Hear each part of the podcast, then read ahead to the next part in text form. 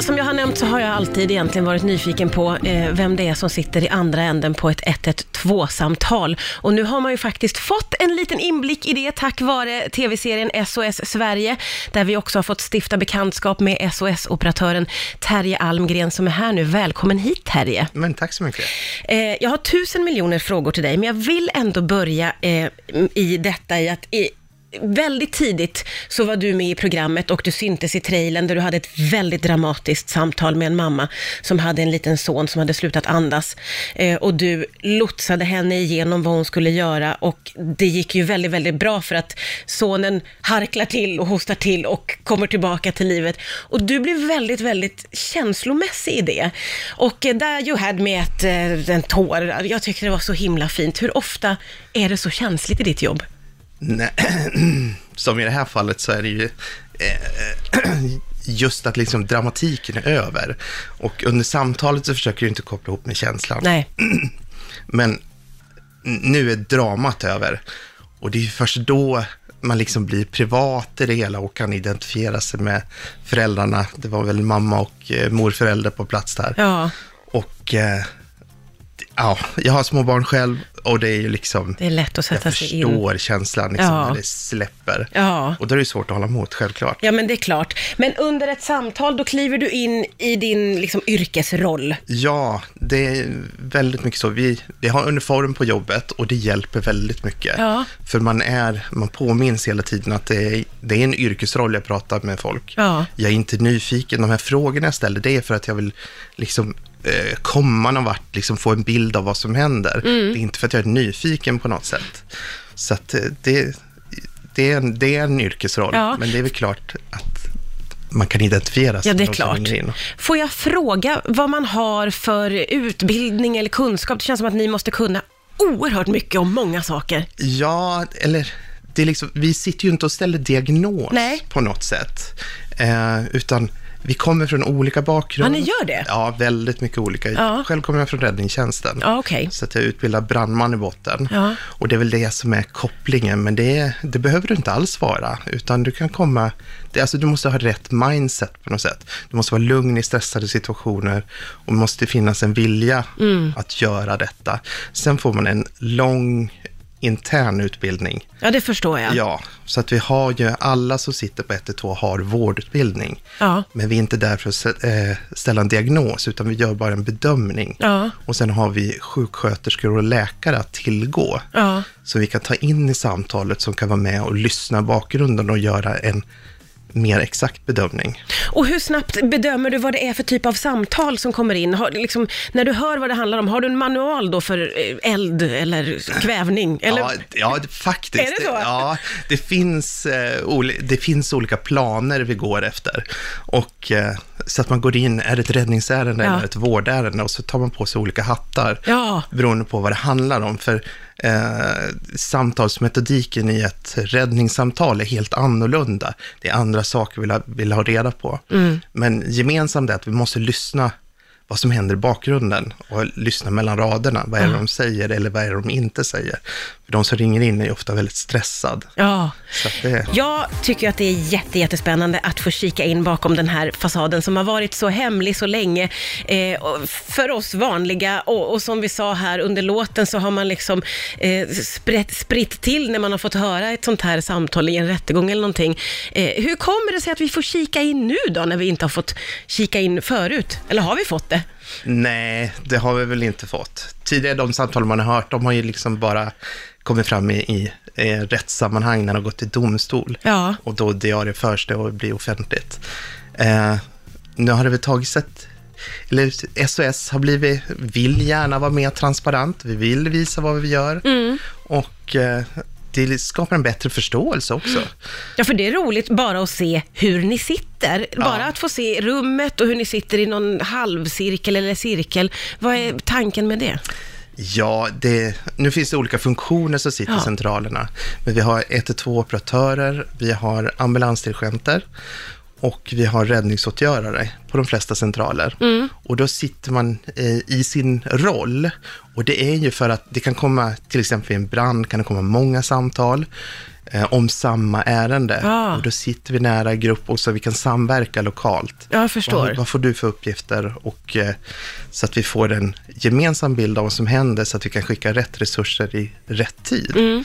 Jag får också intryck när jag tittar eh, på programmet att ni eh, håller ihop och stöttar varandra väldigt mycket. Är det viktigt i det här jobbet? Ja, vi delar ju samma erfarenheter och eh, det är ju en trygghet för alla som är där att eh, kunna stötta varandra. Och det jag känner rent eh, personligen, det är det att det finns en ganska hög, högt värderingskrav. Att man måste ha höga värderingar av människor och man måste se människan och så att det liksom, vi ligger ungefär på gema- gemensam nivå och det känns jättebra. Det är bra gemenskap på centralerna. Ja, ja det ser man faktiskt Ja. när man tittar på programmet. Hur ofta eh, behöver man eh, någon vidare, mm, att man behöver prata av sig? Jag tänker att ni kan få väldigt svåra samtal kanske. Mm. Ofta, det, det är återkommande situationer och alla, liksom, det går inte att säga att ett samtal är väldigt likt det andra. Det finns likheter absolut, men de är väldigt unika alla samtal. Och sen beror det helt på, hållet på vad jag har personligen för erfarenheter, hur jag tar detta. Men de flesta vi jobbar med känner ju till hur man kan må, så att det finns ju en väldigt god förståelse. Mm. Så att eh, du bör inte ta med dig någonting hem och försöka bearbeta det på egen hand. nej. Utan, Någonting som vi läser om eh, med jämna mellanrum är att folk ringer av fel anledning eh, till 112. Eh, och vi har ju sett vissa sådana eh, telefonsamtal i programmet. Hur ofta händer det att folk ringer med fel saker? ja, siffror visar på att det är tre, tre av tio. Det är ganska mycket Det det. är ganska mycket. Men då vill jag, jag vill understryka att tre av tio samtal är inte busringningar, utan det är ren ovetskap. Att vi har andra nummer man ska ringa i olika ärenden. Icke brådskande polisärenden 114 14 och eh, sjukvårdsrådgivning, de kan hjälpa till med jättemycket, 1177. För det har man ju hört att de här samtalen stjäl tid då från de som verkligen behöver er. Är det så? Ja, det stämmer. Det är så. Ja. Eh, för att även om en busringare ringer så kan vi inte avfärda det. En 112-operatör lägger aldrig på luren. Mm. Utan det handlar om, ja, det, såklart vi lägger på. Ja, till slut, emellan- jag förstår. Ja. Ni har rundat av. Ja, men man måste alltid göra en ny bedömning på varje samtal. Och det spelar ingen roll om det är en person som har ringt hundra gånger. Den hundraförsta gången kanske det är allvar. Mm. Ja, okej. Så att det är, vi måste alltid göra den här bedömningen. Ja, jag förstår. Jag undrar ju såklart när det är som allra mest prövande att vara SOS-operatör. Vilka situationer är de knivigaste för dig, skulle du säga? Eh, alltså, jag, jag skulle vilja säga när jag inte är beredd på vad som komma skall, men det är du ju aldrig. Du vet aldrig vad som Nej. eh, döljer sig bakom svarsknappen. Eh, det kan komma vad som helst. Men ändå på något vis så är du ju mentalt förberedd på det. Men när det kommer den här spektakulära situationen som du inte kunde föreställa dig, då kan, det, då kan man bli lite tagen. Ja, va- vad kan det vara då som är en, en spektakulär situation, skulle du säga? Åh, jag vill inte låta dramatisk, men det kan vara ett bekännande. Det kan vara, eh, det kan vara eh, en våldssituation där någon har blivit utsatt för något riktigt hemskt. Ja. Och man känner att det här händer ju aldrig mig. Det känner du ju privat. Men i det här jobbet så får du ju såklart prata med de här människorna som faktiskt utsätts för detta. Och eh, det är så svårt att föreställa sig. När, när du har, eh, pratar med en person som befinner sig i en situation som man inte kan föreställa sig hur de mår. Eh, Man ser ju, ja, som ditt samtal som jag pratade om, eh, där det liksom slutade väldigt bra och du kunde hjälpa en mamma med en liten pojke och det blev känslomässigt och väldigt fint.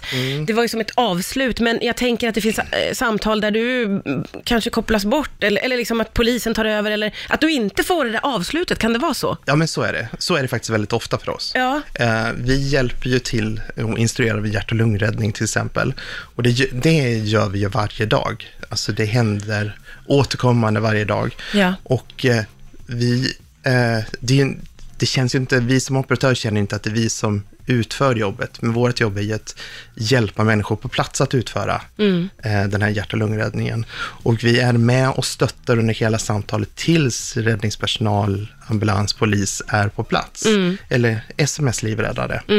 Och eh, där någonstans så släpper vi eh, samtal, för vi blir ju bara ett störande moment.